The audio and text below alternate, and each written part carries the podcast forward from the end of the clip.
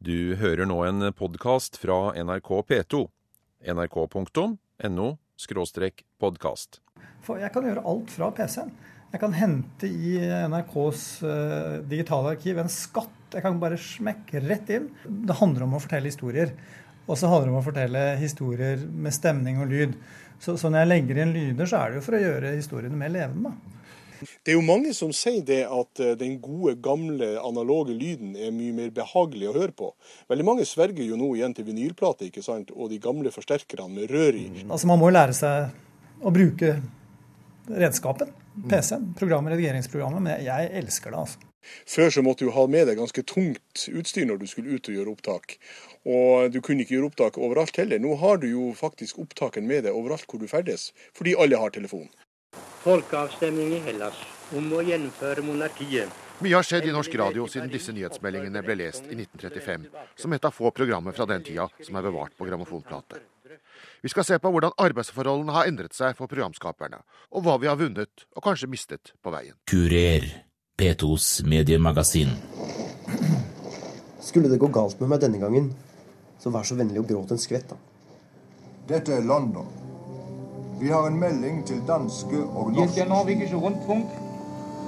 Es spricht der Reichskommissar für die besetzten norwegischen Gebiete. Proklamasjon i det Det som fascinerte meg, var at Greger Skram slett ikke likte den jobben. Ja, eh, Sjus Sætre, du sitter og redigerer. Eh, Du er reporter i, i norgesklasse. Og nå, når du redigerer nå, så har du altså et, en skjerm foran deg hvor, hvor, hvor, hvor du ser lyden. Fortell Jeg ser, ser lyden og, og hører den, da. Men jeg har et visuelt bilde, akkurat som et lappeteppe av lyden. Eh, Det er jo rett og slett klipp da, som jeg har lagt inn selv. At jeg har jo vært, jeg har vært ute og intervjuet Bernt Rugtvedt. Det var den saken jeg holdt på med litt nå. Han har skrevet bok om Gregers Gram, den tredje mann, som ble skutt som 26-åring under krigen i 1944. Spennende type. Så jeg var ute og møtte han veldig fort på en kafé. Og så lagde jeg et intervju med han rundt omkring i byen. Og så legger jeg det inn på utklippslista. Og så tar jeg inn forskjellige slags klipp, historiske klipp. Ikke sant? Ja, Så ser jeg dette her. Ja, for disse, disse lydene som vi hørte nå i, i starten her, hva, hvor, hvor får du tak i dem?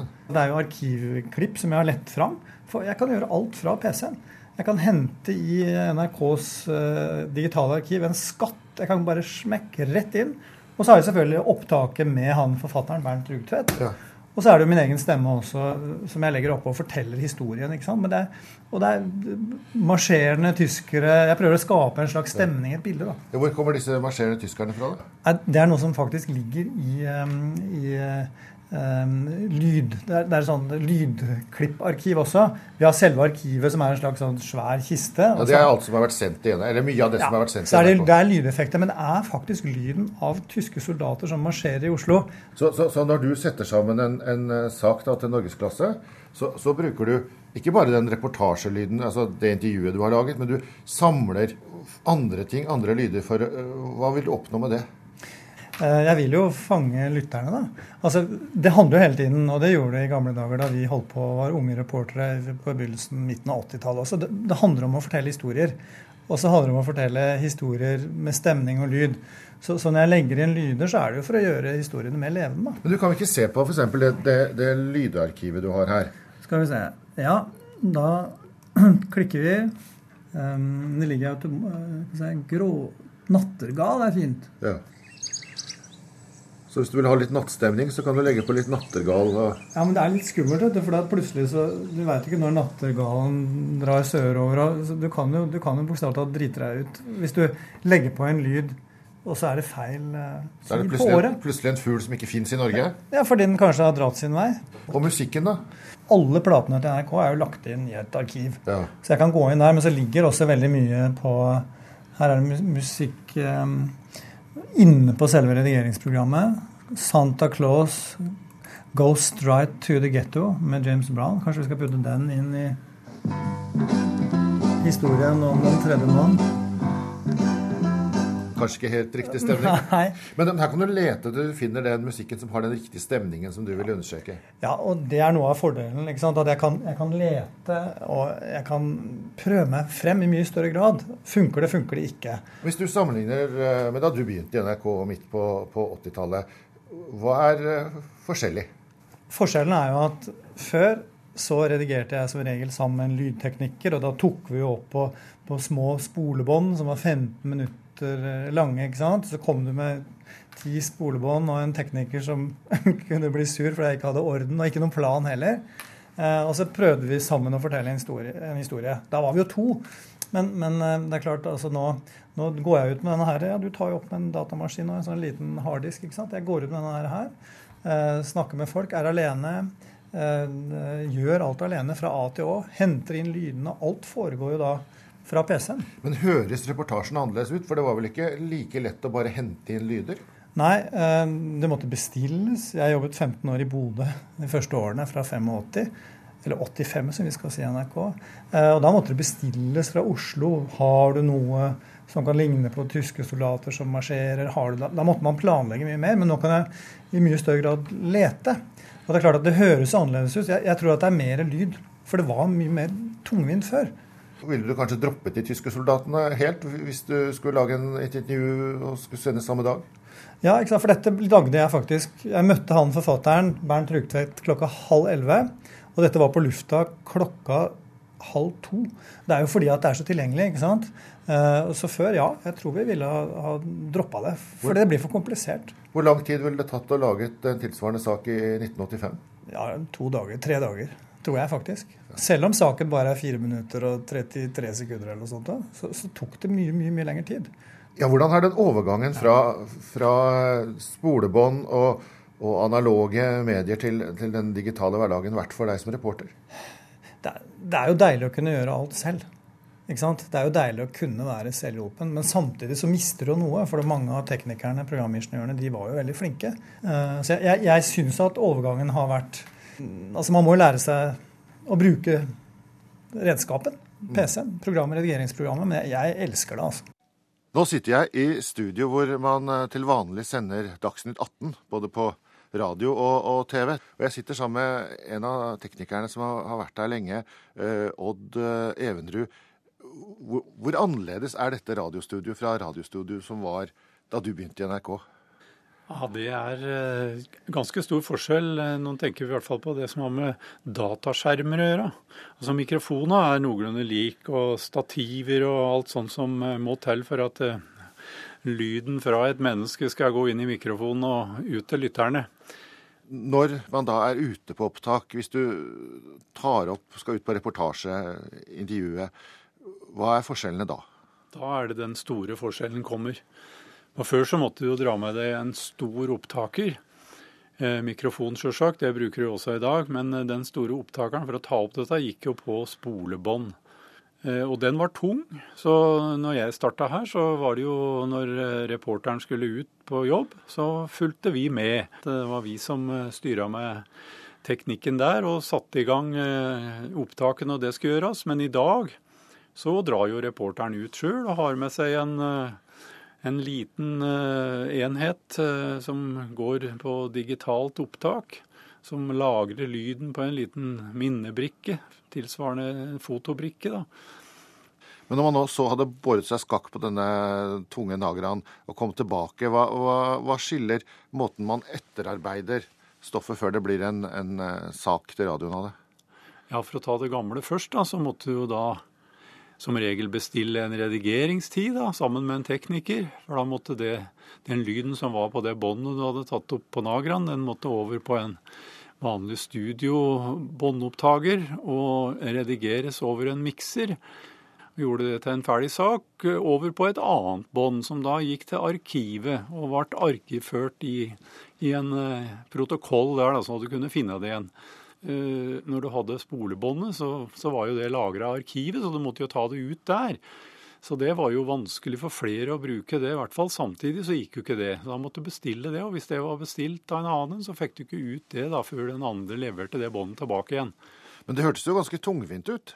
Ja visst var det tungvint, men eh, det var jo ikke noe annet den tida, så det, det var jo flott bare å lagre lyd på, på bånd. Har det vært, eh, For dere som er, eh, har teknikere vært med en, en stund, har det, har det, vært en positiv utvikling, eller har det vært litt trist at dere på en måte har blitt skjøvet ut fra en del funksjoner som nå journalistene gjør sjøl, både redigering og, og, avvikling? I perioden hvor overgangen var fra analog til digitalt, så syns vi det var ganske trist, for da vi mista jo hele faget vårt. Og vi var jo fagfolk på det der å bearbeide lyd fra bånd som opptaksmedium. Og nå skulle vi plutselig begynne å se på en dataskjerm og så redigere det der. Og det var helt nytt for oss, like nytt som det var for journalister. Men eh, nei, vi satte oss ikke på bakbeina. Vi, vi, vi prøvde å være med i utviklinga. Og prøvde å bli mer spesialisert på det å virkelig kunne det digitale formatet bedre enn journalister, så vi ikke skulle bli utkonkurrert. Det var mye løping i korridorene før, med bånd og plater. Ja, sånn som dette her. Den er fra Lydarkivet, men det er det jo ingen som hører. En sak eller et program kunne være tatt opp i Bergen, men skulle sendes i et program som gikk fra Oslo eller Trondheim. Da ble det spilt over via en radiolinje fra en båndopptaker til en annen, og båndet måtte bringes til riktig studio, forteller Evenrud.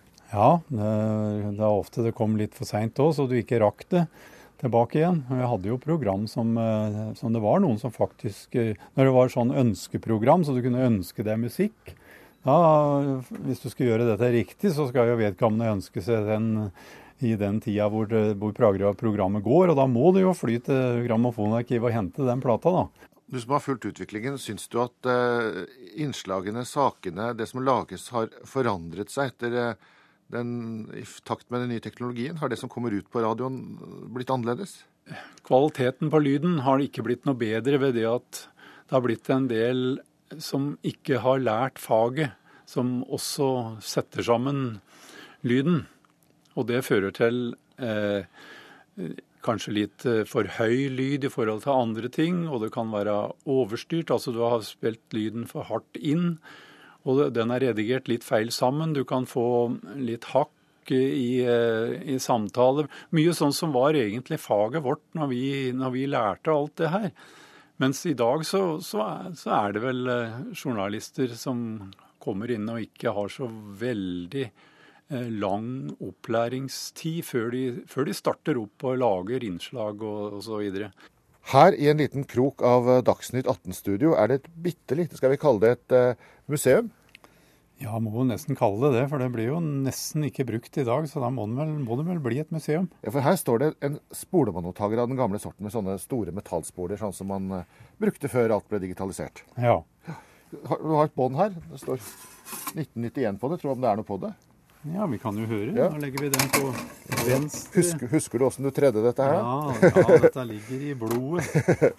Skal vi høre da om det er riktig hastighet. Der. Der kom det noe. Da var det noe lyd. Høre. Ja, men da er jo kjenningsmelodi, da. Ja visst. Da kunne vi ha kjørt den herfra, da. Hvis det digitale systemet hadde ligget helt nede, så kunne vi ha kjørt fra den. Eh. Og så har vi noe annet her. Eh, dette er altså en spesiell type platespiller som ble brukt i, i kringkastingen i gamle dager. Ja. Den skiller seg litt fra vanlig platespiller. På hvilken måte? Det er ikke bare skiva hvor plata er på som eh, enheten består av. Det er jo en diger dings som tar stor plass. Hvorfor står den her fortsatt? Er det hender at det kommer plater som skal spilles? Ja, Det som ikke er digitalisert, det må da brukes eh, ved å, å sette en gammel, god skive på platespilleren og rett og slett kjøre den over mikseren. Kurer. P2s mediemagasin. Nils Nordberg er en velkjent stemme fra radio og TV. Som regissør og dramaturg i Radioteatret er han ansvarlig for 130 produksjoner. Han husker godt hvordan det var å lage radioteater da han begynte på 1970-tallet. Det var jo på den eh, den gangen etablerte måten med bruk av analoge lydbånd, hvor man for så vidt sånn som nå tok opp scene for scene, men det som var den store forskjellen fra nå, det var jo at veldig mye av lydene som skulle være med i scenen, ble lagt på med en gang. Eh, så det var jo et eh, fantastisk apparat noen ganger da, med seks-sju båndspillere pluss et par grammofonspillere for å få inn alle de elementene som skulle legges inn i scenen, da. Det var jo det som var Problemet med det analoge båndet var jo at uh, man kunne ikke kopiere det så veldig mange ganger, fordi at det var et sus i bunnen som da ville bli fordoblet for hver ny kopiering. Dermed så måtte veldig mye gjøres på en måte som lignet på den gammeldagse direktesendingen. Ja, for før lydbåndet så lagde man jo også radioteater. Hvordan, hvordan fikk man til det da? Først og fremst direktesending. Og det må ha vært ganske spennende, da. Fordi man skulle holde seg innafor det tilmålte tidsrommet, og det måtte ikke gå noe feil eller noe som helst. Eh, det fantes opptaksmuligheter. Det var, eh, det var enten filmlyd, altså optisk lyd. Vi har f.eks. i Radioteaterets arkiv 'Vår ære og vår makt' av Nordahl Grieg, spilt inn på optisk lyd i 1938. Rupp 300 Armstrong Bickus 400 Betlehem Stil 600 Gassen kommer!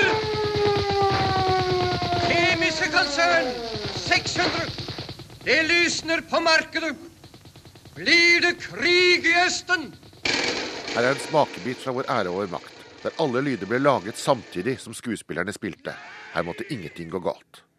Det var jo eh, stor oppfinnsomhet som var lagt for dagen når det gjaldt å, å, med sånne remedier som man da kunne gjøre troverdige lyder med. Trommelignende gjenstand på en stang med, fylt med sand som hørtes ut som bølger når man beveget det sakte. Eh, man brukte metallfolie for å illudere tordenvær. Eh, og i det gamle radioteaterstudioet så hadde man jo en boks med alle mulige slags vinduer og dører. Ytterdør, innerdør, eh, eh, bildør, togvindu, vanlig vindu osv. Som ble brukt da, faktisk, altså. Fordi at det måtte gjøres der og da. Nå går det jo ut på at, stort sett i hvert fall, ut på at man tar opp scenen med skuespillerne uten lyder og legger på lydene etterpå. Ja, fordi at man har da lydarkiver på, på datamaskinene hvor man kan hente inn de lydene man trenger? Ja. Eh, vi, jo svært, vi, har jo hatt et svært lydarkiv hele tiden. Eh, jeg vet ikke hvor mange hundrevis av bånd med alle mulige slags lyder. Eh, men det er klart med den digitale teknikken så er jo lagringsmulighetene ubegrensa. Og også mulighetene for hva du kan gjøre med det for å forandre på lyden, blande sammen med andre lyder for å få en bestemt effekt. Og, eh, og du kan, eh, i og med at du ikke behøver å kopiere eh, Du kan bare legge lag på lag av lyd oppå teksten, f.eks. Så er den sånn, så å si ubegrensa hva man kan få til. Har dette forandret produksjonene? Høres det annerledes ut? Ja, det gjør nok det. Det gjør nok det. Altså Hvis man hører gamle hørespill fra la oss si 1950-tallet, som vi stadig har på bånd, så hører man jo at uh, lydbildet uh, er mye mer beskjedent enn det er nå. En del av de gamle hørespillene har jo vært veldig populære i ettertid. Tenk på Dickie Dick Dickens og slike ting, som både har gått i reprise mange ganger og blitt uh, solgt på CD osv. Mm. Ja. De må jo ha noen kvaliteter, de òg? Å ja, men de har de absolutt. Altså, Sånn som Dickie f.eks. Eh, har jo en friskhet som på forunderlig vis har holdt seg gjennom alle år. Dickie Dick Dickens.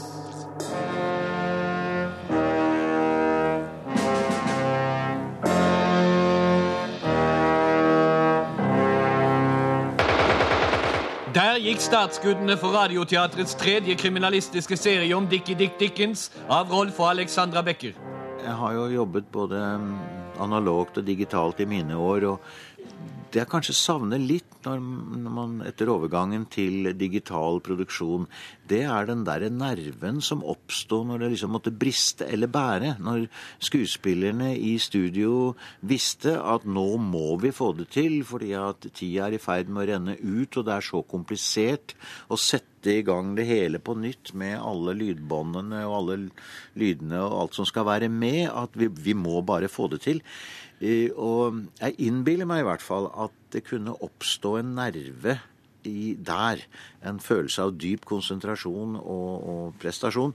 Ja, Nils Nordberg, eh, hvis vi går riktig langt tilbake i historien. Da lydbåndet kom, hva hadde det å si for uh, produksjonen? Det hadde veldig mye å si. Altså lydbåndet, eh, Det lydbåndet som kunne eh, bearbeides, redigeres, klippes, det kom eh, etter krigen. Det var vel liksom den første store revolusjonen i hørespillproduksjon.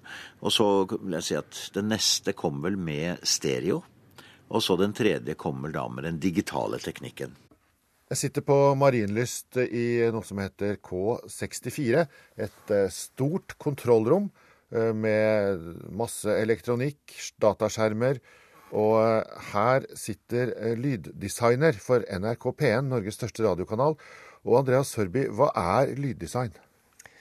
Lyddesign, i hvert fall for radio, da, er jo som all mulig annen radio, det er for historiefortelling. Og vi prøver å fortelle våre historier gjennom å legge på lyd som passer. Om det er musikk, om det er musikalske elementer, om det er små logo-syngestrofer som forteller hvilken kanal du hører på, altså historien om hvem vi er.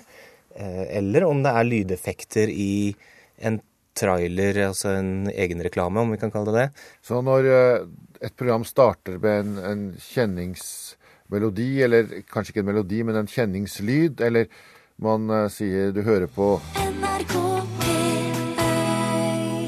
så, så, så, er det en del av det lyddesignet som uh, du driver med? Ja, det er det. Vi lager, vi lager kjenningsmelodier for så vidt også. Noen ganger kjøper vi det, noen ganger lager vi det. Hensikten i hvert fall er jo da å fortelle lytteren om hva som kommer. Fortelle historien om det programinnholdet. Har dette forandret seg fra gamle dagers kjenningsmelodier? Hovedtanken er den samme. At uh, kjenningsmelodien, som man ofte før i verden bare hentet fra en plate eller noe sånt uh, Hensikten der var jo også å fortelle lytteren hva som kom. Uh, noe gjennom at man bare hørte det mange nok ganger, men også kanskje først og fremst under, av musikkens egenart. At, den, at man opplevde at den energien eller stemningen i det tilførte eller fortalte noe sant om programinnholdet, da. Men her sitter du ikke med noe verken symfoniorkester eller masse stemmer eller noe som helst. Hva, hva er det du Du sitter foran en, en, skjerm og en masse knapper. Hva, hva, slags hjelpemidler er det du har når du skal designe lyd? Oi, det er mye. Eh, vi har jo symfoniorkestre på mange måter eh, på boks hvis vi ønsker det, og det gjør, bruker vi jo i noen grad. Eh, ellers så har vi masse Eh, effekter, digitale effekter, som for så vidt eh, ofte er kopier av gamle analoge effekter, som equalizere og kompressorer og disse tingene som fagfolk vet hva er. Ja. De siste årene er det kommet mer og mer på markedet noe som kalles for convolution reverbs, som er da direkte opptak av konkrete rom eller akustiske verdener. Eh, jeg kan vise et eksempel her på hvor vi har Det er en en liten egenreklame for Superblokka, som vi har kjører på NRK P1. Uh, hvor vi har satt barn i masse forskjellige rom. For det høres sånn ut. I baksetet. På do. På badet. På rommet. Ute i skogen. Inni hodet. Hele tiden. Overalt! Superblokka som podkast. Men, men hvordan, hvordan, høres det endelige resultatet ut, da? Ja, det høres jo, Dette høres jo nesten sånn ut, bare at vi har lagt på litt rytme. I baksetet. På do. På badet. På rommet. Ute i skogen. Inni hodet. Hele tiden. Overalt! Superblokka som podkast. Kurer. P2s mediemagasin. Viggo Valle er en som har vært med i NRK lenge. Både kjent som eh, programleder og også utdannet eh, radiotekniker. Og, og vi står nå og tar opp et intervju på en telefon. Ja. Eh, et, en liten smarttelefon som mange mennesker har. Hvordan har veien vært fra de store, klumpete båndopptakerne til den bitte lille tingen der? Ja, Det har jo vært en fantastisk utvikling, fordi at eh, før så måtte du ha med deg ganske tungt utstyr når du skulle ut og gjøre opptak. Og du kunne ikke gjøre opptak overalt heller. Nå har du jo faktisk opptaken med deg overalt hvor du ferdes, fordi alle har telefon. Ja, fordi at denne lille telefonen kan altså, i tillegg til å være en telefon, også brukes som det vi kalte en båndopptaker eller en opptaker. Man trenger ikke engang disse spesielle opptakerne som mange NRK-journalister har. Hva er det denne telefonen kan gjøre? Den kan jo for det første gjøre opptak sånn som vi gjør nå av, eh, av, lyd, men så kan den også overføre det som en datafil til en server i en radiostasjon, som da kan sende det på lufta umiddelbart etterpå. Dette betyr jo at uh, alle kan være radioreportere. Hvis de er til stede på noe, noe som skjer, så er det mulig for alle å gjøre opptak? Ja, Bortsett fra at du må ha en godkjenning hos din radiostasjon for å kunne få overført den fila. da, Den må kjenne deg igjen. Men du kan jo sende den som MMS alle kan ta opp, tror jeg, på sin telefon og overføre det som en MMS til en postadresse og, eller til en, et nummer, og så kan man sende på lufta deretter. Tror du de opptakerne som vi fortsatt uh, bruker en god del i NRK, som er så små digitale opptakere med minnekort, at de vil forsvinne, og at denne telefonen er framtidas radiojournalist? Ja, det tror jeg definitivt. Jeg tror det vil bli sånn at når du blir ansatt som journalist i radio, så får du utdelt en telefon, og den skal du bruke til alt som en telefon kan brukes til, men i tillegg som opptaksmedium. Hva har vært den største skiftet i teknikk, sånn som eh, du har sett gjennom årene? Ja, Det må jo være digitaliseringa, eh, først og fremst. Det at man kan eh, faktisk lytte på slutten av ei plate mens den blir sendt på lufta. Det var jo helt fysisk umulig med en grammofonplate eller en CD før. Har innholdet forandret seg? Det som kommer ut til lytterne, er, er, har det blitt påvirket av at teknologien er revolusjonert? Det er jo mange som sier det at eh, den gode, gamle, analoge lyden er mye mer behagelig å høre på. Veldig mange sverger jo nå igjen til vinylplate ikke sant? og de gamle forsterkerne med rør i, fordi lyden blir varmere. Og det kan nok være noe i det, fordi at man har jo fjerna en del av lyden som man mener det menneskelige øret ikke kan oppfatte. Og så er jeg ikke så sikker på om det, om det medfører riktighet at vi ikke oppfatter noe likevel som forsvinner. Og Det betyr at lyden blir kaldere, hardere, og så er vi jo i stand til å prosessere lyden på en helt annen måte på senderne enn vi var før. Og Det betyr at det er ganske tøft å sitte og høre på moderne rockemusikk på en radiomottaker, f.eks. hvis du kjører bil. Jeg tror du faktisk blir både aggressiv og ikke minst sliten av det, i mye større grad i dag enn du ble før. Og så kan man jo klippe ut uh, veldig små ting av uh, et intervju. Ja, det er jo sånn at pusten har jo helt forsvunnet på radio. Før så, så hørte du at folk eh, trakk pusten etter at de har avlevert ei setning. Men nå så kan du jo klippe det bort. Du kan jo klippe ned til et tiendedel sekund, ikke sant. Og eh, kanskje gjør det noe med flyten i det folk eh, hører på radioen. Du har hørt en podkast fra NRK P2.